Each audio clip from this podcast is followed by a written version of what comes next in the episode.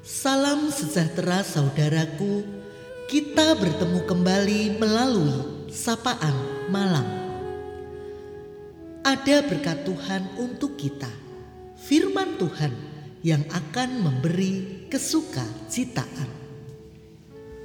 Saudara, waspadalah terhadap keinginan akan kenyamanan, karena hal itu sering kali dipakai oleh iblis sebagai pintu untuk mendengarkan suaranya. Di heningnya malam ini, marilah kita menyediakan diri kita untuk disapa oleh firman Tuhan yang terdapat di dalam Injil Matius 16 ayat 23. Maka Yesus berpaling dan berkata kepada Petrus, "Enyahlah iblis, engkau suatu batu sandungan bagiku, sebab engkau bukan memikirkan apa yang dipikirkan Allah, melainkan apa yang dipikirkan manusia." Saudara-saudara, hampir semua orang tentu saja cenderung untuk menghendaki hidup yang nyaman, tidak perlu ada kendala yang dialami. Malam hari ini kita bersama-sama belajar dari peristiwa murid-murid Yesus apa yang ada dalam pikiran Petrus saat itu adalah pikiran yang demikian cenderung ada dalam hidup manusia, yaitu harapan manusia untuk memperoleh kenyamanan dan menolak untuk segala kesusahan atau penderitaan. Saudara-saudara, masalahnya adalah ketika kita percaya kepada Tuhan dan rindu untuk mengikut Yesus, kita dibawa untuk rela berkorban demi kebenaran, demi kasih. Oleh karena itu, di dalam apa yang terjadi dalam kehidupan sehari-hari, apa yang ada dalam pikiran, kita mesti sedia untuk segera meluruskan supaya di dalam kita mengikut Dia dan melayani Yesus. Apa yang menjadi kehendaknya itu akan terjadi dan kita terapkan dalam hidup sehari-hari kita. Pikiran Petrus, perasaan bahwa ketika ikut Tuhan tentunya Tuhan tidak mengizinkan penderitaan. Tuhan tidak mengizinkan bahwa kita itu ada dalam situasi buruk atau mengalami kemiskinan atau kesusahan. Pemikiran itu tidak terlalu salah. Tetapi jika karena kebenaran lalu menolak penderitaan, karena kebenaran lalu menolak untuk berkorban. Hal itulah yang tidak sesuai dengan kepengikutan kita pada Yesus. Mari saudara-saudara, malam hari ini kita bersama-sama belajar pada peristiwa Petrus untuk supaya kita juga berani meninggalkan segala kenyamanan, Sebab Tuhan membimbing kita untuk masuk dalam rencananya untuk kita menjadi berkat yaitu dengan dan melalui ketidaknyamanan karena kita hendak mewujudkan kebenaran. Mari jadikan tujuan Tuhan juga menjadi tujuan kita.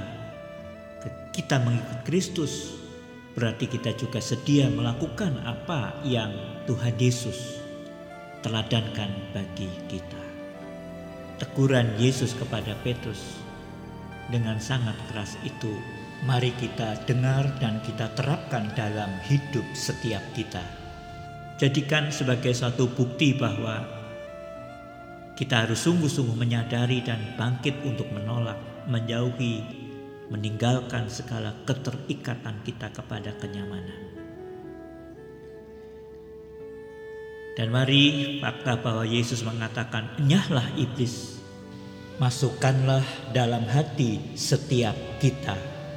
Supaya kita menyadari di dalam hidup ini iblis sering kali memanfaatkan kenyamanan yang kita harapkan itu untuk mengendalikan kita supaya kita menjauhi hidup menurut dan mengikut Kristus dengan benar.